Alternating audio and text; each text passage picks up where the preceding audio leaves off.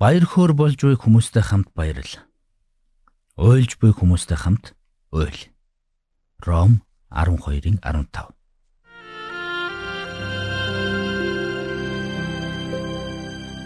Мэргэний сонсог, мэдлэгийн тэлэг. Ухаалх нь мэрэгэн өдөр төмжийг мөн авах. Доктор Харалт цаалогийн мэрэгэн зөвлөмж нэвтрүүлэг.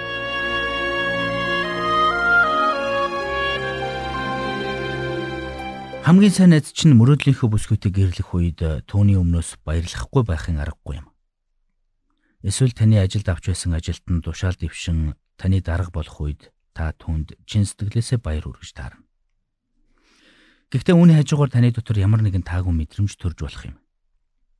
Жишээ нь та биш хөрсчин суглаанд хожиж огцон баяжчих юм бол та түүнд чин сэтгэлээсээ баяр хүргэж чадах уу? Эсвэл дотроо түүнд битүүхэн атаарахгүй. Үнэн дээр атаархал гэдэг энэ мэдрэмж хүний мэс чанараас салахгүй үеэс үе дамжин орьсоор ирсэн юм. Нэгэн залуу аавынхаа эд хөрөнгийн талыг аваад том хот руу явж одсон дүүдээ ихэд атаархсан байдаг. Тэр дүүн их хотод очиж наргиж цэнгэн бүх эд хөрөнгөө өрн таран хийж орхижээ. Тэрээр дартагтаа тулж аавынхаа зарцнараас ч доор амьдрах болжээ. Тэгээд тэр гэртээ эргэж ирсэн байна. Энэ түүхийг та шинэ гэрээний Лук номын 15 дугаар бүлгээс уншиж болно. Гэрээ орхин явсан тэр хүүг бид төөрсөн хүүг хэмээн нэрлэдэг. Учир нь тэр тэнэж төөрч явсаар эцэст нь гэртээ эргэж ирсэн юм. Гэхдээ энэ түүх зөвхөн түүний тухай түүх биш юм. Тэр хүүгийн ах нь гэртээ үлдэж аавтайгаа бас хамт амьдран аавынхаа ажил хэрэгт тусалж байсан. Улмаар дүүн эргэж ирэх үед эцэг нь баярлаж, тарган тугал нь ядалж, баярлаж цэнгэх үед түүний уур хурч бухимдаж бас атаархсан.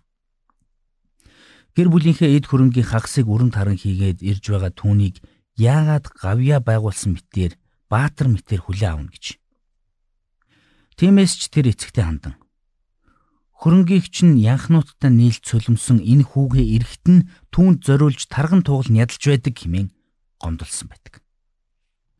Бусдын сайн сайханд тавгүйцэн атаархах энэ хандлага үнэнд бидний хүн бүрт бий.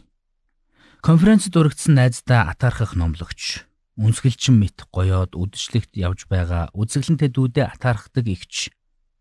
Энэ мэтчлэн атаархлын жишээг бид эргэн тойрносоо олон таардаг. Тэр бүхэл Христэд итгэдэг хүмүүст ч гэсэн ийм асуудал тулгардаг.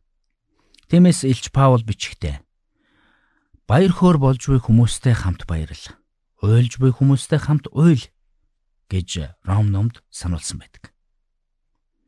Эзэн Есүс шавь нартаа бүр дайснаа хүртэл хайрлахыг сургаж байсан. Мэдээж энэ бүхнийг Бурхны тусалцаагүйгээр хийн гэдэг боломжгүй.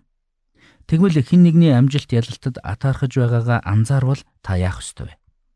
Юуны түрүүнд дотроо төрж байгаа атаархлыг буруу гэдгийг хүлээн зөвшөөр. Үүнийг гим нүгэл гэдгийг хүлээн зөвшөөр. Тэгэд бурхнаас уучлал болон туслалцаа хүсэн залбир. Уур зухалдлаа дар. Тэгээд тунгаан бод. Хөрөнгө мөнгө нөхөрлөлөөс ч илүү чухал гэж юу? Атаархалдаа автснаас чин сэтгэлээсээ баярлаж талархах нь илүү дээр юм шүү. Та нар өөрсдийг чинь хайрлагсдыг хайрлвал ямар шагнал та нарт байх вэ хэмээн эзэн Есүс Матай номонд асууж байсан шүү дээ. Эцэст нь таны атархлыг төрүүлж байгаа тэр хүний төлөө залбир. Залбирал хүмүүс биднийг өөрчилдөг. Ингэхдээ залбирал нь таны залбирч байгаа тэр хүнийг төдийгүй таныг өөрийг чинь ч бас өөрчилж байдаг гэдгийг санаарай. Төөрсөн хүүгийн эцэг атаархуу хүүдээ хандан. Хүүмэн чи үргэлж надтай хамт байсан. Минийх гэсэн бүхэн чинийх шүү дээ Харин энэ дүүч нь үхсэн байсан. Гэтэл амилжээ. Алдагдсан боловч олдлоо. Иймээс бид баярлан цэнгэх ёстой хэмээн хариулсан гэдэг. Үнэхээр бусдын аз жаргалын төлөө чин сэтгэлээсээ баярлаж чаддаг байх нь бидний эргэн тойронд аз жаргал баяр хөөргийг түгэж байдаг гэдгийг та битгий мартаарай.